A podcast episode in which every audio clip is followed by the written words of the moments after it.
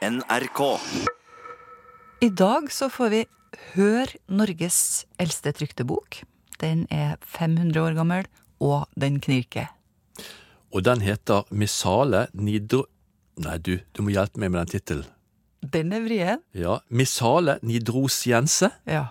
Nidrosiense, det har sikkert noe med Nidaros å gjøre, da. Ja, det høres jo Nid Nidarosiense.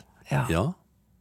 Og så får vi en time hos psykologen, for å si det sånn. For hva er det som gjør at folk eh, går seg vill i tankene sine og blir fullstendig overbevist om at hvis bare IS får ta over kommandoen her i verden, så blir alt bra. ja. Og Jan Ole, han er altså psykolog, han sier at dette utsetter vi oss sjøl for hele tiden i hverdagen. Ja, på litt eh, lavere nivå, da, kan du si. Ja. For vi leter altså, sier han, etter ting som kan bygge opp under det vi allerede mener, det vi tror på. Så det er vanskelig, det er vanskelig å skifte mening, rett og slett. Og dette skal vi få mer om etter hvert. Og vi som skal sørge for å drive denne podkasten fremover, det er Ove Gundersen. Og Margrethe Nåvik. Ja. I går, på søndag, så åpna det en eh, svær vitenskapsfestival her i Trondheim. Big Challenge. Og her skal det stilles uh, veldig mange fryktelig interessante spørsmål denne uken. For eksempel hvorfor tror smarte folk på dumme ting? Hva er sannhet? Mm. Hvordan skal vi løse verdens problemer? Det, det blir jo en slags overskrift over konferansen, da. Ja, det handler mye om framtid her, da. Hva, hvordan skal vi forholde oss til miljøproblemer, helseproblemer, alt mulig sånt. Mm. Og det kommer mange interessante folk til byen. Susanne Vega, Stephen Fry, Sting eksempel, og Edward Snowden tror jeg kom på storskjerm fra Russland i går. Det var i hvert fall planen. Og så er det Gunnar Tufte som skal dele sin kunnskap på festivalen. Han var innom her i går for å snakke om levende organismer inni datamaskiner. Ja, og du har jo snakket med han. Du har jo fulgt eh, nøye med på, forstår jeg, hvordan datamaskinene har utvikla seg. Kanskje siden 70-tallet, eller? Ja, kanskje egentlig var 80-tallet. 80-tallet. jeg er ikke så gammel. Jeg har lest om det i ettertid. Du meldte deg på på 80-tallet. Ja, Siden har du fulgt med. siden har jeg fulgt med. Ja. Hva var første datamaskina di? Da tror jeg var en PC, faktisk, jeg eide sjøl. Og det var ikke før på seint på 80-tallet. Nei. Så det var et stort øyeblikk, kanskje? Ja, ganske. ja. Hva brukte du den til? Hva kunne du bruke den til? Jeg er jo lærd, da, så jeg brukte den jo til å tegne elektriske kretser og sånt, og så spilte jeg på den. Ja. Spilt dataspill. Dataspill. Ja. ja. Og så, etter det, så har jo på en måte maskinene bare blitt bedre og bedre. Større og sterkere. Eh, og nå forstår jeg, du spør om vi nærmer oss ei grense for hvor mye bedre de kan bli, egentlig? Ja, egentlig.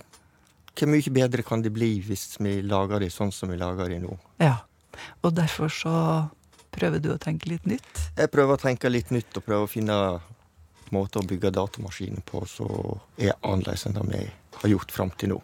Og det var jo derfor jeg inviterte deg hit, fordi at jeg leste om det her at du snakker om å putte rett og slett levende materiale inn i døde maskiner. Eh, nesten. Vi bruker levende materiale eller nevroner, levende nerveceller, til å prøve å finne ut hvordan de virker, for de er helt fantastiske. De har løsningene på, tror jeg, da, eller min påstand, på hvordan vi skal klare oss å bygge enda bedre datamaskiner.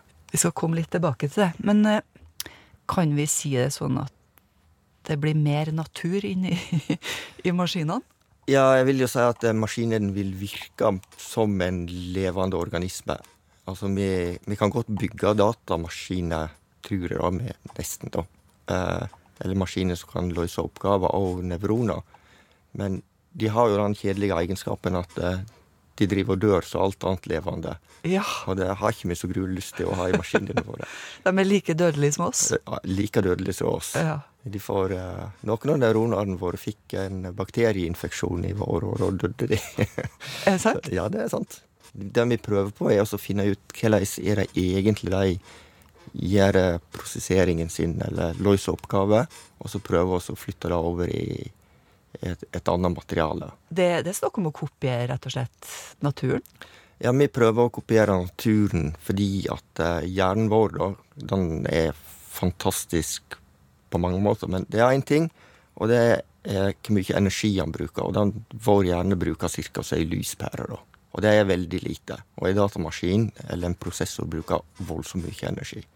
Han bruker så mye energi at hvis vi skal lage bedre prosessorer nå i dag, så kan ikke vi putte mer energi inn i det, for da blir de så varme at de mest sannsynlig tar fyr. Eller de vil ta fyr, hvis vi prøver på det.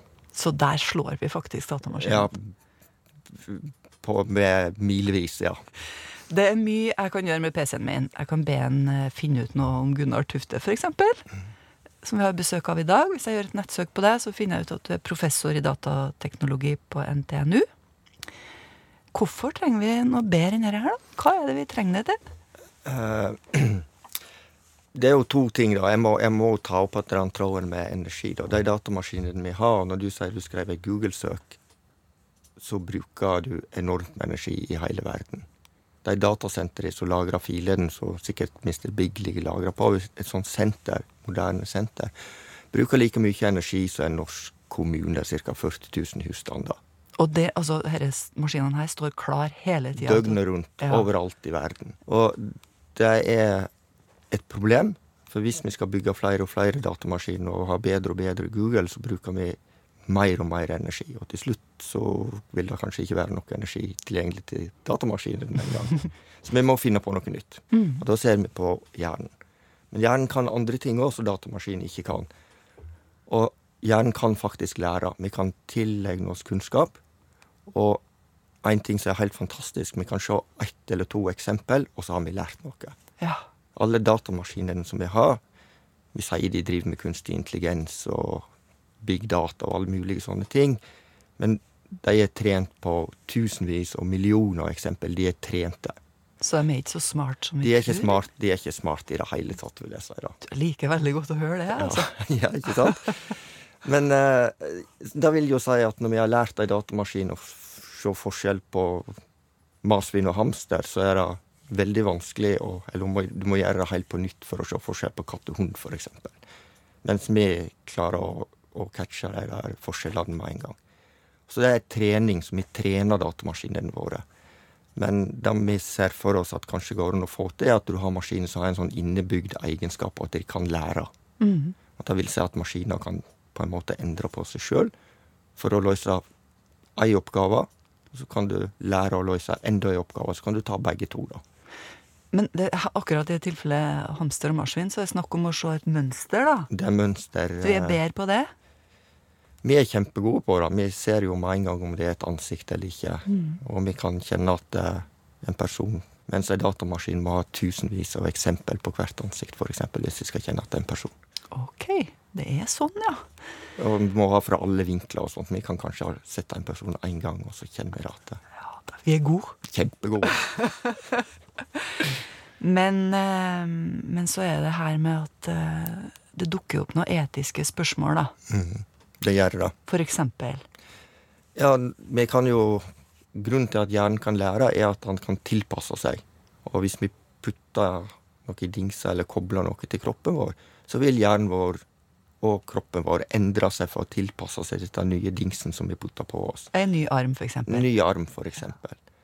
Og da er det jo interessant er den armen en del av personen, eller er det Google eller Tesla eller hvem som har laga den armen eller dingsen, som eier det. Mm. For det er jo egentlig blitt en del av vår egen kropp da, etter en stund. Men hvilke konsekvenser får det da, hvis vi sier at Google eier, eier den nye armen min? Det kan jo få konsekvenser at uh, Google plutselig veit en masse om deg. Google veit jo masse om oss alle, da, men den, den, biten der, altså at du får store personverninteresser. Hvem er det egentlig som, som eier informasjonen som armen sender til hjernen din? Er det din informasjon, eller er det din og Google sin informasjon? Og kan Google endre på noe uten at du gir ja, Google er kanskje bare et eksempel, men ja. gir, gir, uh, gir, samtykke til det. Mm. Du får en del sånne etiske problemstillinger rundt dette her, da. Mm. Og, men jeg hadde jo lyst til å spørre deg om, eh, om For når jeg hører at du snakker om eh, biologisk materiale, så tenker jeg bevissthet. Hva om det oppstår bevissthet helt av seg sjøl her? Ja, det er jo et godt eh, spørsmål. Og det er jo mange som sier at eh, be, for å få bevissthet, så må en ha en eller annen form for evolusjon og det du kaller eh, utvikling, altså hvordan cellene deler seg og endrer på seg og Mm. tilpasser seg omgivelsene. Og hvis en bygger biologiske datamaskiner, så kanskje en kan få til noe sånt. Og det kan jo òg være mulig at hvis du klarer å kopiere disse her prosessene over i et eller annet kunstig materiale, sånn som nanomagneter eller et eller annet, så kan du kanskje oppnå en slags bevissthet. Det er vanskelig å si. Vi veit jo egentlig ikke helt hva bevissthet er. Men, men det som er, er at um, det er spekulert og at du må jo være bevisst, sjølbevisst skal du være bevisst. da. Ja. Altså du må vite om din egen plass i, i verden. ja. Du Sånn må sånn klare å liksom løfte blikket og se deg sjøl utafor. Ja, at jeg veit sjøl nå mentalt at jeg sitter i studio og Ja. snakker med deg, Ja. og du veit at jeg er her. Det er på en måte en bevissthet om at jeg er en plass i, i verden, da. Men dette har ikke vi oversikt over, rett og slett. Da, da har vi egentlig ikke Er det litt skummelt, eller? Jeg tror ikke det. Det er best fascinerende, egentlig. Ikke så redd. Ikke så redd, egentlig. Nei. Eh, For en kan jo spekulere hvem som er bevisst, og det er jo enkelte som påstår at eh, ethvert levende vesen som har en eller annen intensjon med det de gjør, altså at de kjenner seg sjøl igjen og gjør et- valg om å gå og hente mat eller ikke gjøre det, er sjølbevisst. Mm. Og da er du nesten ned på maur, egentlig. Og jeg vil jo si at vi klarer ikke å lage noe i nærheten av en maur med datamaskinene våre i kompleksitet. Eller en kakerlakk. Vi er ikke i nærheten av å lage en, en hjerne som er så bra som en kakerlakk. Går det an å se det for seg, da? At, at vi kan få det til? Eller tenker du at det Jeg tror at det går an å få det til. da. Du tror det? Men det må komme noe gjennombrudd på Ja. mange, mange fronter. da. Mm. Vi må ha mer forståelse for biologien for at vi skal klare oss å Eller neuroscience, da, for at vi skal klare å putte noe inn i et i det du vil kalle ei datamaskin, da, eller en ny type maskin. Men er, altså, jeg tenker jo for ett spørsmål til. Um, bevissthet. Fri vilje. Fri vilje. For, hvis maskinene får fri vilje? Ja, da vil jo jeg spørre, har vi egentlig fri vilje? Vi veit ikke. Nei.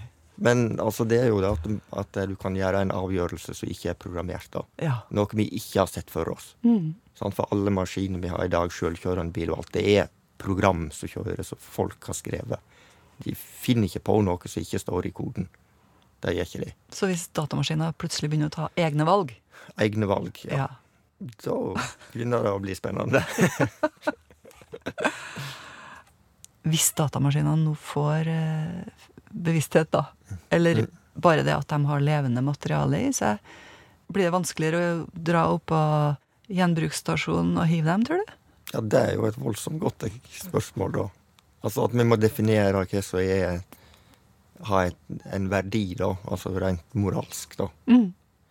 Jeg har egentlig ikke noe godt svar på det, men det er jo sånne ting som en må tenke på. Ja. Og det gjelder jo ikke bare datamaskiner. Det, hvis vi begynner med genetisk engineering og begynner å lage kunstige organismer, hva moralsk ansvar har vi for dem? Store spørsmål. Veldig store spørsmål. Gunnar Tufte, takk for at du kom eh, hit med et lite blikk fra fortida. Du, forresten, eh, hva syns du er det beste med å være menneske? Jeg tror jo at vi har en sånn vilje til å bare være. At vi blir veldig fornøyd når det er fint vær ute, og vi har det bra og ikke stressa og får god mat. og Ja, for når jeg kom hit på jobb i dag, så satt jo du på en hvit benk utafor døra her. Så ut som du hadde det bra da. Ja, helt aleine og hadde det kjempefint, egentlig. Bare sol og Da er det bra å være menneske. Da er det bra å være menneske. Og eh, grunnen til at du spurte om dette her, Margrethe, var jo at akkurat dette hadde jeg spurt folk på gaten om. Hva er det beste med å være et eh, menneske? Det er muligheten til ved å ha det gøy. Hva slags måte pleier du å ha det gøy på? Det er alt fra jobb, veldig gøy på jobb. Ja. Kan jeg spørre hva du jobber med? Bilselger. Bilselger. Hvordan er gleden ved å selge en bil, da? Ja, den er enorm, da. det, det er jo den beste følelsen i løpet av en dag. Hvor mange ganger opplever du det i løpet av en, ja, løpet av en uke, da? Et par ganger. Så eh, Hvis du, du har tatt den gleden fra deg, så har det ikke vært mye igjen ved å selge en bil. Det hadde blitt kjedelig, ja. jeg setter det er veldig bra å jobbe som bilselger. Er en gøy jobb, vil jeg si. Hva syns du er det beste å være deg, da? Oi, det var et litt sånn stort spørsmål. At jeg våkner og kjenner at, eh, at kroppen er snill med meg, at jeg ikke har vondt noen plasser, og at familien og vennene mine har det bra. Og at jeg har noe å se frem til den dagen. Noe jeg gleder meg til. Hva sier du, bergenser, da? Hva sier du? Nei, Var du enig i det også? jeg har en så god uh, venn uh, som jeg nylig er blitt kjent med. Og uh, at jeg drømmer om å få meg en feit båt som jeg skal cruise rundt om i. Og at jeg skal dra på ferie til høsten og nyte livet. Ja, men Det holder lenge, det. Jeg syns det er veldig fint når man får de her møtene mellom folk man ikke kjenner i utgangspunktet. Hvis du snakker med noen på bussen, så er det jo av og til litt sånn panikk fra sidepersonen, da, men Nei, jeg har masse fine samtaler på Ja, med fremmede mennesker. Jeg tror jeg vet jeg har sittet oppe i halvannen time, og så aldri med liksom bare Ja, det syns jeg er helt nydelig, det her med treffene. Nå må du, bergenser, nå må du være litt rolig. Det syns jeg er utrolig fint. Ja. Hva syns du er det aller beste med å være deg og være et menneske? Jeg syns det er godt å spise mat. Tenker du på mat hele tiden, du da? Ja, vi har nettopp kommet fra pizza. Ja, jeg ser på meg. Pizza?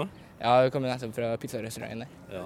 Men når du er mett og god da, og ikke tenker lenger på mat, hva tenker du da er det aller beste med å, med være deg? Jeg vet ikke. Nei? Nei. Så du trenger ikke vite noe, for det er ikke slett å svare på. Du da? Hva syns du er best med å være et menneske? Jeg vet ikke, kanskje å omgås med andre mennesker. Og bare rett og slett eh, være med dem og ha det artig. Ja. Og leve livet, rett og slett. Leve livet? Ja. Hva, hva gjør du sammen med andre folk, da? Når dere er sammen og har det gøy? Vi gjør forskjellige aktiviteter. Det kan f.eks. være å eh, spille fotball, spille eh, brettspill eller sånne ting. Og rett og slett bare kanskje snakke med hverandre òg. Trives du med, å være deg sjøl? Ja, jeg må si jeg trives, ja. Jeg har eh, folk rundt meg glad i og sånne ting. Hvor mye betyr det, da? Nei, det betyr egentlig ganske mye. Jeg har ikke lyst til å være alene. Det er alltid fint å ha noen å kunne komme til. Ja. Så kan du være sammen med kompisen her, eller? Nei. Jeg skal rett og slett bare hjem og slappe av nå, men det kan hende at det oppstår eh, andre tider jeg kan eh, være med han. Jeg setter pris på å være et tenkende vesen. Tenker du mye? Ja. Jeg tenker meget på, hva det vil si å være tenkende Jeg tenker meget på, hva det vil si at, øh, ja, at tanken ikke er forbeholdt hjernen, men at den også hører kroppen til. Betyr det at eh, armer og bein og, og mage, rygg, alt tenker på en måte? Ja, det gør det, og Ja. trærne og vannet husker oss. Ja. Og det tror jeg, det er også en slags hukommelse. Men Hvorfor setter du så stor pris på det å være et tenkende menneske, da? Hva er så spesielt med det? Der, blir, der er alltid noe nytt der skal utforskes. Mm. Det kan jeg godt lide. Men så fint, da. Du nekter å svare. Ja, jeg gjør det. Jeg gjør det. Ja, Derfor veldig bra dame du går sammen med her. Hei, jeg heter Sarita Sejpal. Jeg er hindu, og snart så skal jeg fortelle om noe av det største jeg har gjort. Som hindu har da via en muslim og en kristen. Fra 1. januar i fjor, 2018, så fikk eh, kommunene i Norge ansvaret for eh, borgerlige vielser. Så kommunene sjøl skulle finne folk som kan fylle denne rollen som vigsler, altså den som ser til at mann og kvinne blir rette ektefolk, som det heter. Ja. En av de som fikk forespørsel, var Sarita Sepal. Er det riktig etternavn? Seipal, kanskje? Seipal, ja. ja. Sarita hun er født i India, men eh, har bodd i Norge siden 1972. Hun er altså hindu, og i fjor debuterte hun som borgerlig vier. Den første vielsen den kommer hun aldri til å glemme. Så vielsen skulle da være på en lørdag. Det var perfekt vær når jeg sto opp. Eh, lyseblå himmel. Og eh, vielsen skulle jo være da på Odderøya. Det er ei lita øy som er knytta til faktisk Kristiansand sentrum. På en liten odde. Eh, de hadde pynta med en portal av blomster, hvor eh, vielsen skulle skje. Jeg var kledd i en svart kappe, men med en rosa sari under, fordi at det var også et ønske fra brudeparet. Men der sto det iallfall eh, på spissen av Kristiansand mm. en borgerlig vier som er hindu, og framfor brudeparet en kristen og en muslim. Da Sarita takka ja til å bli borgerlig vier for Kristiansand kommune i fjor, hadde hun aldri sett for seg en slik vielse. Eh, jeg ble jo da egentlig kontakta av brudgommen. Jeg var på ferie i India. Jeg kjente han fra før av. Og eh, jeg skrev da tilbake at du er i India, så skrev han du kan du ta kontakt når du er tilbake, for jeg må diskutere noe med deg. Tilbake i Norge møter Sarita paret over en kopp kaffe. Og det var da jeg fikk vite, for jeg visste ikke det sjøl, at en da tilhørte ulike religioner. Eh, og det var første gang jeg fikk det fram, og da var jeg jo veldig nysgjerrig på OK, hvordan vil dette funke? Og jeg ble jo bare mer og mer eh, øh, Hva skal jeg si satt ut. Eh, jeg følte så liten i det derre svære, og det at det i det hele tatt gikk an. Men etter hvert som jeg begynte å, å skrive, og mine tanker kom ned på papiret, så ble jeg egentlig bare mer og mer klar over at du, det, det dreier seg jo bare først og fremst om kjærlighet. Og er det ikke det også alle religionene eh, setter høyest? Medmenneskelighet, kjærlighet til hverandre. Og dermed så, så, ble det egentlig veldig lett for meg å, å skrive når jeg kom til den erkjennelsen at du, det var egentlig fellesnevneren her som bandt oss tre sammen, selv om vi var tre ulike Vi kom fra tre ulike land, uh, ulike religioner. Så, så var det Fellesnevneren her var jo kjærlighet. Og uh, det, det, ble, det, ble, fantastisk bra. Uh, får litt sånn der eh, tårer i øynene når jeg tenker på hvor stort det egentlig var. Jeg følte det da òg, men når en tenker tilbake Og så tenker en på mm, alle de konfliktene som er i verden nettopp av religion. Og så koker det ned til at du, når du først setter deg ned og begynner å tenke, så, så, eh, så er en kanskje ikke så forskjellig allikevel. Og jeg tilhører en, eh, en nettverksgruppe i India med, med litt sånn eh, De folkene som betyr noe i samfunnet der. Jeg sendte en melding til de og bilde òg. At du Jeg har via liksom eh, to av ulike religioner. Jeg sjøl som hindu sto der. De, kommentarene som kom, jeg husker liksom to-tre, det var liksom dette er en begynnelse på en ny æra. We salute you, Norway. Det kunne ikke ha skjedd i et annet land enn Norge, fordi at Norge er da en symbol på fred og kjærlighet. Toleranse. Eh, det var de kommentarene som kom, og da følte jeg meg så stolt. For selv om røttene mine er i India, så, så jeg føler jeg meg veldig norsk. Og selv om jeg da sto der i sarien og eh, og representerte hinduismen, så, så, var jeg jo norsk. Det gjorde meg jo ikke til noe mindre mindre norsk av den grunn. Mm. Sånn at jeg følte meg veldig stolt på vegne av Norge når jeg fikk de kommentarene. Ja, jeg, jeg kommer aldri til å glemme det. Sarita Seipal, altså hinduen som via en kristen og en muslim en vakker sommerdag i Kristiansand i fjor. Camilla Kjønn Tingvold hadde slått av en prat med hun. Det var det her med å gå i tankefella. Norge henta altså hjem barn fra Syria nylig. Fem stykker. Barn av IS-folk. Ja, de fleste av oss er jo enige om at eh, barn er uten skyld, og at norske myndigheter har ansvar for, eh, for norske barn. Men da denne nyheten kom, så fikk vi vite at det er to unge kvinner fra Bærum som har tatt hånd om de fem foreldreløse barna. De to søstrene fra Bærum som dro til Syria i 2013, er funnet av Aftenpostens eh, journalister. Døtrenes skjebne ble kjent gjennom Åsne Seierstads bok 'To søstre'. Der fortalte faren om døtrenes reise fra Norge til Syria i 2013. De var 16 og 19 år gamle og ville slutte seg til IS. Og nå er spørsmålet skal vi hente hjem de her to søstrene? Skal vi gi dem rettslig behandling, eventuelt en dom og en ny sjanse til å tilpasse det norske samfunnet? Søstrene fra, fra Bærum de sluttet seg til IS fordi de var helt overbevist om at eh, det var best for verden. Ja, om IS eh, tok over kontrollen. Og man kan jo lure på hvordan går det an å, å komme fram til noe sånt? Eh, Mm. Gjennom tankegang, da. Og for å prøve å forstå det her, så kan vi ta fram noen mindre alvorlige eksempler, sier Jan Ole Hesselberg, som er psykolog. For, sier han, det her skjer med alle på hverdagsnivå. Vi går oss inn i tankefeller, spor som vi ikke kommer ut av. I disse dager så er det, jo, er det jo veldig mye diskusjon om bompenger, og befolkningen deler seg nok eh, litt eh, i to. Noen mener at det er helt åpenbart at det er den eneste riktige måten å finansiere veibygging på, mens eh, du har noen som åpenbart mener at det ikke bør være sånn. Og det interessante er jo at man er at begge leirene er helt sikre på at de har rett. Ja! Nei! Hold kjeften på deg! Nei! Jo! Nei!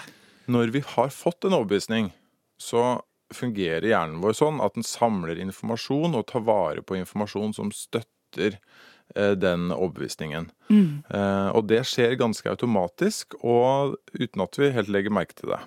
Så hvorfor i all verden er vi sånn skrudd sammen? Hva er det her godt for? Resultatet er jo at vi ikke hører på hverandre engang. Vi bare leter etter det som bygger opp under vår egen mening. Det man spekulerer i, det er at det å endre standpunktet sitt hele tiden og tvile på standpunktene sine, samle inn ny informasjon og være kritisk til alt man selv tenker, det er veldig, veldig kostbart. Det er, kanskje, det er kanskje nyttig når du skal lande på den perfekte beslutningen, men hvis du er avhengig av å ta en beslutning relativt raskt, sånn som vi stort sett er i vårt naturlige habitat, så eh, er det veldig kostbart å, å bruke tid på å bestemme deg. Hvis du går tur i skogen for eksempel, og går deg på en bjørn, da kan du ikke sette deg ned på en stubbe og tenke nøye over hva skal jeg gjøre nå? Nei, og, og eller om er det egentlig en bjørn? Vi vet at vi kanskje blir lurt av, eh, av vurderingene våre. Det er, er ikke sikkert at det er en bjørn, kanskje det er en person som har kledd seg ut. Eller, ikke sant? Og du, du, det har du ikke tid til. Dessuten, sier Jan Ole, så kan det å skifte mening koste mye sosialt. Det danner seg et sosialt nettverk knyttet til, til den beslutningen, da. Så du, Mm. får, du får nye venner som tenker likt. Eh, Du risikerer et ganske stort tap når du, hvis du bryter. Kanskje du begynner å tvile på et eller annet tidspunkt, men, men bare risikoen for å bryte ut av den gruppen du er en del av, eller den, det meningsfellesskapet du er en del av, er så stor at det koster deg for mye. Eh, Og da har du plutselig veldig sterke mekanismer som alle trekker i én retning. At du, det er best å bli der, der du er, og at du, du er overbevist om det du eh, er overbevist om. Men hvis vi står på utsida da, og ser at eh, det her skjer med noen som vi kjenner, noen vi er glad i, hvordan kan vi røske tak i dem og, prøve å dytte folk inn i et annet tankemønster, da? Strategien jeg ville ha valgt, er nok å, å forsøke å forstå så mye som mulig. Eh, forsøke å se hvilken informasjon er det du egentlig baserer deg på. Hva er det du leser for noe eh, på nettet når du, når du, når du orienterer deg om dette? Eh, har jeg noen andre eksempler på, på informasjon som går imot det, og forsøke å gjøre det på en litt rausere måte, da. Og sånn bør vi møte folk som har slutta seg til IS også, sier psykologen. De som har gjort noe kriminelt, skal selvsagt sone sin straff, men eh, det er mulig at det er lurest å ikke følge denne trangen til å ekskludere dem fra fellesskapet. Hvis vi skal demme opp for dette, så er det veldig lite som tyder på at det er en god strategi å, å fryse eh, disse menneskene ut. Det er vesentlig bedre å forsøke å forstå det. Bør det finnes tilgivelse for å ha gått seg inn i sånne tankebaner, da? Hvis man soner sin dom? Der, eh, der tenker vi nok eh, veldig forskjellig. Så det er mange svar på det spørsmålet som er veldig avhengig av hva som har skjedd, og, og hvordan man tenker om, om sånne type spørsmål i utgangspunktet. Mm. Så det, det får nok bli opp til eh, hver enkelt hvordan de ønsker å håndtere det. Ja. Psykologen kan ikke svare på det. Sånn generelt. Det er nok mange som tenker at de er, de er klin gærne, de som eh, gjør dette. Mm. Eh, det er jo heller ikke noe vi har sånn veldig godt grunnlag for å si. Når man undersøker de som er veldig ekstreme, så er de jo veldig overbeviste. Ja. Det er jo ikke sånn at de sitter der og tenker nå skal vi påføre eh, mest mulig lidelse til andre mennesker og ta mest mulig crazy valg for å gjøre opprør. De er overbeviste. De Mm. har en eller annen ideologi som, som eh, bidrar til å forsvare det eh, de gjør, og som, hvor de tenker at det er veldig riktig. Så når du leser eh, intervjuer f.eks. med en del av de som har dratt fra Vesten, kvinner, og til å knytte seg til IS, så er det jo sånn at de tror veldig hardt på at dette er et godt valg. Et Mm. riktig valg. At verden skal bli bedre. Ja, at det er noe ikke helt bra med det de kommer fra. eh, Og at de ønsker å gjøre noe med det, og at de tror oppriktig at dette er den beste måten å gjøre det på. Ja, det her er vanskelige saker. Akkurat som den saken vi skal snakke om nå, Ove, for i helga så ble familien Abbasi henta her eh, i Trondheim.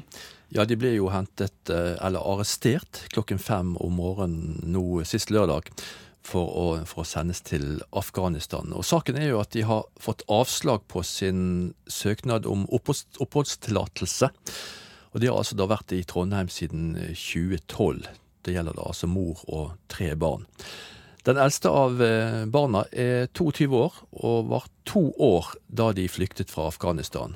De andre har aldri vært i Afghanistan, så det er en ganske spesiell sak, egentlig. Ja, og det her opprører Trondheims befolkning, kan vi si. Det gjør det. Mhm. Det er veldig mange mennesker som, i hvert fall de som står nær, eh, det er ganske stor De har stor, eh, ikke stor familie, men de har en stort nettverk rundt seg. De har fått det. Ja, og folk er jo mer eller mindre i sjokk, da. Mm. For de har jo visst at eh, det kanskje kunne bli sånn, men når det først blir sånn, og, og saken har jo lagt i ro et år nesten uten at det har skjedd noe, og så plutselig skjer det noe, da, og da blir jo folk nærmest i sjokk. Og du var jo vitne til det her engasjementet fra Trondheims befolkning for to år siden, da de fikk avslag etter å ha brakt saken sin for retten første gang. Det er jo egentlig sjelden vi ser ungdom ta etter gatene eh, på det her viset. Så vi har henta fram igjen den reportasjen fra 2017. Ungdom i dag blir gjerne omtalt som selvopptatte. Det er selfie-generasjonen som er på vei opp. Men i Trondheim denne uken skjedde det noe. Et tog bestående av skoleungdom er på vei mot Trondheim Torg. De er frustrerte, de er sinte. Familien Abbasi har vært i Norge i fem år. Men fredag 22.9 fikk staten Norge medhold. De skal ut av landet, til Kabul i Afghanistan. Dette landet har barna aldri vært i, siden familien levde som flyktninger i Iran før de kom til Norge, for å gjøre en lang historie kort. Det er klassevenner, venninner, kompiser av søsknene Yasin, Taiba og Essan som roper. Jeg har aldri før sett så unge mennesker gå i protest og samles til møte på torget i Trondheim. De ca. 1000 fra ungdomsskolen og eh, oppover. er dere skal ta godt imot Abbasi-familien. På scenen står de tre ungdommene i Abbasi-familien. Det er tydelig at det ligger et dypt alvor like under. 18 år gamle Taibe griper mikrofonen. Hun får ikke fullført videregående skole om vedtaket om utsendelse står ved lag. Jenta som gikk på føttene gjennom fjellene og kryssa grenser for å komme til et bedre liv. Vi føler oss som en del av samfunnet her. På skolen, på fotballbanen, på jobben og i moskeen. Vi har gjort det norske staten har bedt oss om. Vi har blitt integrert. Den natten da politiet for første gang kom for å kaste oss ut av landet, gjorde noe med meg som menneske. Det viste oss en ny side av Norge som jeg skulle vært foruten. Mammaen min ble syk. Brødrene mine ble livredde og sove dårlig om natta. Dagene og nettene mine ble mørke. Jeg mista denne styrken jeg hadde fått gjennom å gå på skole og føle meg som andre. Jeg er stolt over at vi likevel står her i dag. Takk til alle Rosenborg. Du, vi fra NRK Radio. Hva står på plakaten her, da? Det står 'La i bli'. Men Hvorfor skal han bli her, da? Hvis myndighetene har- har bestemt å sende han ut, hvorfor skal han likevel bli? Han bor jo her, og det er jo her han Ja, har vennene sine. det er urettferdig. Han kommer til et, han drar til et sted han aldri har vært før, og det syns vi ikke er greit. Er dere sint? Ja, Ja. vi er sinte. Vi håper at han får bli oss. Men lykke til med demonstrasjonen. Ja, tusen takk. Tusen takk, takk. La Abbasi bli! La Abbasi bli! Hva som berører deg mest med å stå her og høre på dette? Det er jo at så mange bryr seg, og at så mange stiller opp for en familie. Hvorfor bryr du deg, da? Eh, fordi jeg går i klasse med, eh, eller på skole med Øystein, og jeg syns han er en utrolig fin person. og jeg, Han gjør bare gode ting, han bringer bare positivitet til trinnet og skolen, så da syns jeg ikke han fortjener noe vondt. Nå har faktisk myndighetene bestemt at de skal ut. Hva tenker du om det, da? Det syns jeg er en dårlig vurdering, og jeg syns de bør vurdere det en gang til. La dem bli. Nei, Jeg syns det er veldig sterkt å se hvor mange som bryr seg om denne saken. da, synes jeg. Når jeg hører at du snakker, så kjenner jeg at øynene mine blir bløte. og Man kan jo bare prøve å sette seg inn i situasjonen selv. da. Jeg syns jo det er helt idiotisk at folk som har blitt integrert, skal bli sendt ut i der de blir 18. Det er jo helt, helt idiotisk. Ved utkanten av torget står en eldre mann og eh, beskuer det hele. Jeg lurer på om han kjenner til saken som disse skoleungdommene demonstrerer for? Eh, fra media og litt ifra, litt ifra et barnebarn som også går på Tora Storm. Så har jeg hørt om dette her. Altså, ja. Så ofte man hører ungdommer gå i gaten på denne måten. Nei, det er ikke det. Så det, det er kjempeflott, syns jeg. Altså, at, eh, jeg syns det er litt uverdig det som skjer. Altså At ikke staten kunne la dette her eh, bli med tingrettens dom. We are the children. Ones to make a brighter day. So let's start giving.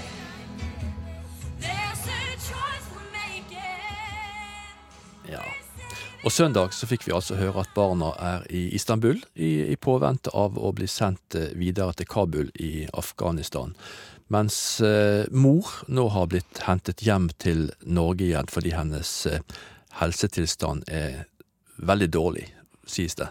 Ja, og nå er altså tre ungdommer på 16, 20 og 22 år på vei til et land de ikke kjenner. Og nå er det altså mandag når vi gjør det her opptaket her, så det kan jo hende at vi veldig fort blir litt bakpå. Ove. Ja, det er utvikling i saken, men vi vet ikke mer om enn dette akkurat nå, da. Nei. Vi kommer nok til å høre mye om saken framover, men eh, ikke mer nå. Vi skal over til noe helt, helt annet. Den ligner på en sånn her eh, typisk eh, bok som du ser for deg en trollmann ville ha eh, det stått og bladd i. Men selv om det ikke er en ekte tryllebok, så er det noe magisk over den brune skinnpermen og de 400 sidene med latinsk skrift. Dette er Norges første trykte bok, og et av eksemplarene finner, finner vi på Gunerius-biblioteket i Trondheim. Ehm, I sin tid så gikk faktisk alle prestene i Norge rundt med denne, denne lille boken, eller med en sånn bok. Ja. Og i år så fyller altså Missale Nidrosiense 500 år, sier universitetsbibliotekar Alexander Lyngsnes. Du kan høre at sidene knirker når du, når du blar i den. Men jeg vil jo si at denne boka har klart seg veldig godt gjennom 500 år. ja, imponerende hvor godt den holder seg, og eh, sånn som at den kan åpnes eh, hele veien opp, eh, er noe som vi ikke ser så ofte. Så litt brun i kantene. Ganske naturlig at papiret gjør det her. Det er en nasjonalskatt som ligger på bordet. Eh, Missale er da eh, direkte knytta til messen. Det er en messebok. Som skulle gjøre det litt enklere å være prest i Norge for 500 år siden. Det var jo mye å holde styr på på den tiden òg, men eh, boka hjalp prestene til å huske på viktige religiøse merkedager, tekster og festdager for helgenene. Det er ikke på detaljnivå at akkurat hvordan prosesjoner og sånt skal foregå, men mer eh, vær varsom på denne og denne dagen, så hvis det er spesielle høytider, så må du gjøre den og den endringa. Her er jo også eh, ganske og middelalderlatin kan være interessant å begi seg ut på. Eh, Sancti spiritus quis dom, domine Det var erkebiskop Erik Valkendorf i Nidaros som eh, fikk eh, satt i gang arbeidet med boka, som altså ble utgitt i 1519. Sånn at han eh, ville da at alle prester skulle ha en samla liturgi, sånn at man kunne få Sånn at man kunne Uansett hvor man var henne, så skulle du kunne holde en gudstjeneste.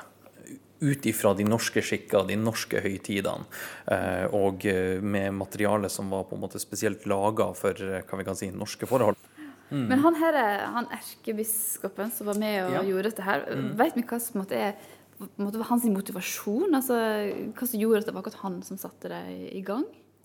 Altså, Erkebiskopene var jo eh, personer med midler. Mm. Og han så han eh, Vi ser det i måten eh, f.eks.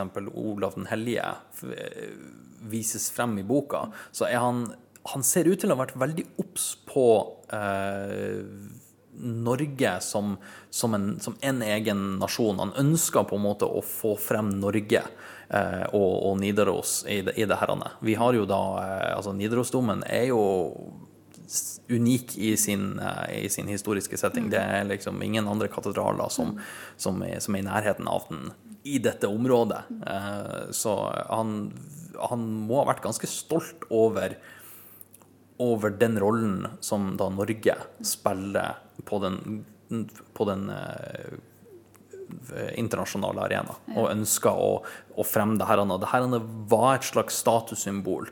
Det å kunne være i diskusjon med paven, være i diskusjon med, med, med konger og si det at nå, her, nå skjer det. Eh, Vi får, eh, vi får eh, en, en egen liturgi tilpassa Norge.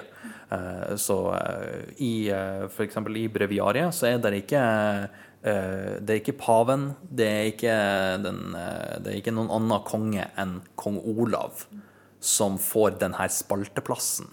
Og det kan nesten ses på som et litt, litt rebelsk Uh, at det er faktisk en, en konge som har vært død i mange hundre år, som da er Norges konge.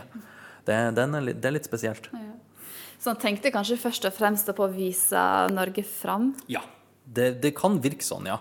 At, at det her var, eh, var status for å, for å vise seg fram, ja. Ja. For jeg tenkte kanskje at han tenkte mest på prestene, at de skulle få det enklere. Men da er det mer dette her med å vise Norge fram. Ja. ja, altså Det her er noe som diskuteres den dag i dag blant, eh, blant historikere. Akkurat liksom, hva, er, hva var motivasjonen. Så eh, lite grann må vi kanskje lese mellom linjene. Skal vi se her. Jeg kan her. Um, Libera nos quis que ab omnibus malpreteris presentibus. Så spennende. Jeg vil tenke, Hvordan er det for deg å stå med noe sånt i hendene? Norges første trykte bok. Eh, Man blir jo ganske ærbødig eh, av, av det hele. Der er jo, altså du eh, den, den har jo en tyngde, denne boka, både fysisk og kan vi kan si, åndelig. Eh, Jeg personlig som, som, som latinist syns det her er veldig spennende å kunne se tilbake, eh, tilbake i norsk historie, eh, som også er en del av en større helhet. Eh, Det å kunne eh, å kunne s- eh, se i kalenderne, f.eks. Hva for noen lokale høytider er det eh, som, som sto i fokus på de, her, de stedene. Eh, at vi eh, selv på denne tida, for 500 år siden, så var vi tilknytta resten, av- resten av verden. Og vi, hadde, vi var ganske viktige eh, når det kommer til, eh, til, den, til den store sammenhengen. Mm. Det sier universitetsbibliotekaren, som altså viste vår reporter den eldste trykte boken som vi har i Norge. Mm. En slags bruksanvisning da, som kirkens menn brukte. Altså. Og I tillegg så ble det trykt ei bønnebok samtidig som den her, som eh, også var viktig for prestene i Norge på den tida. Det var da vår kollega Camilla Tjønn Tingvold som var nede på Gunerius-biblioteket denne, denne uken. Ja, og det var Det her var vel sesongens siste podkast, antageligvis. Ja, jeg ser du allerede står med badehåndkle rundt skuldrene her og klar for å innta sommeren. Ja, vi skal sende på søndager klokka 14 som vanlig, men eh, jeg tror vi dropper podkasten i sommer. Ja. Det ja. kan være at eh, lytterne også har godt av å bare gå ut i den frie, deilige naturen eller hvor som helst, og så bare kjenne på lydene av eh, herlig natur og fuglesang, og, og så kommer vi sterkere tilbake igjen i september. Ja. Ha det. God sommer.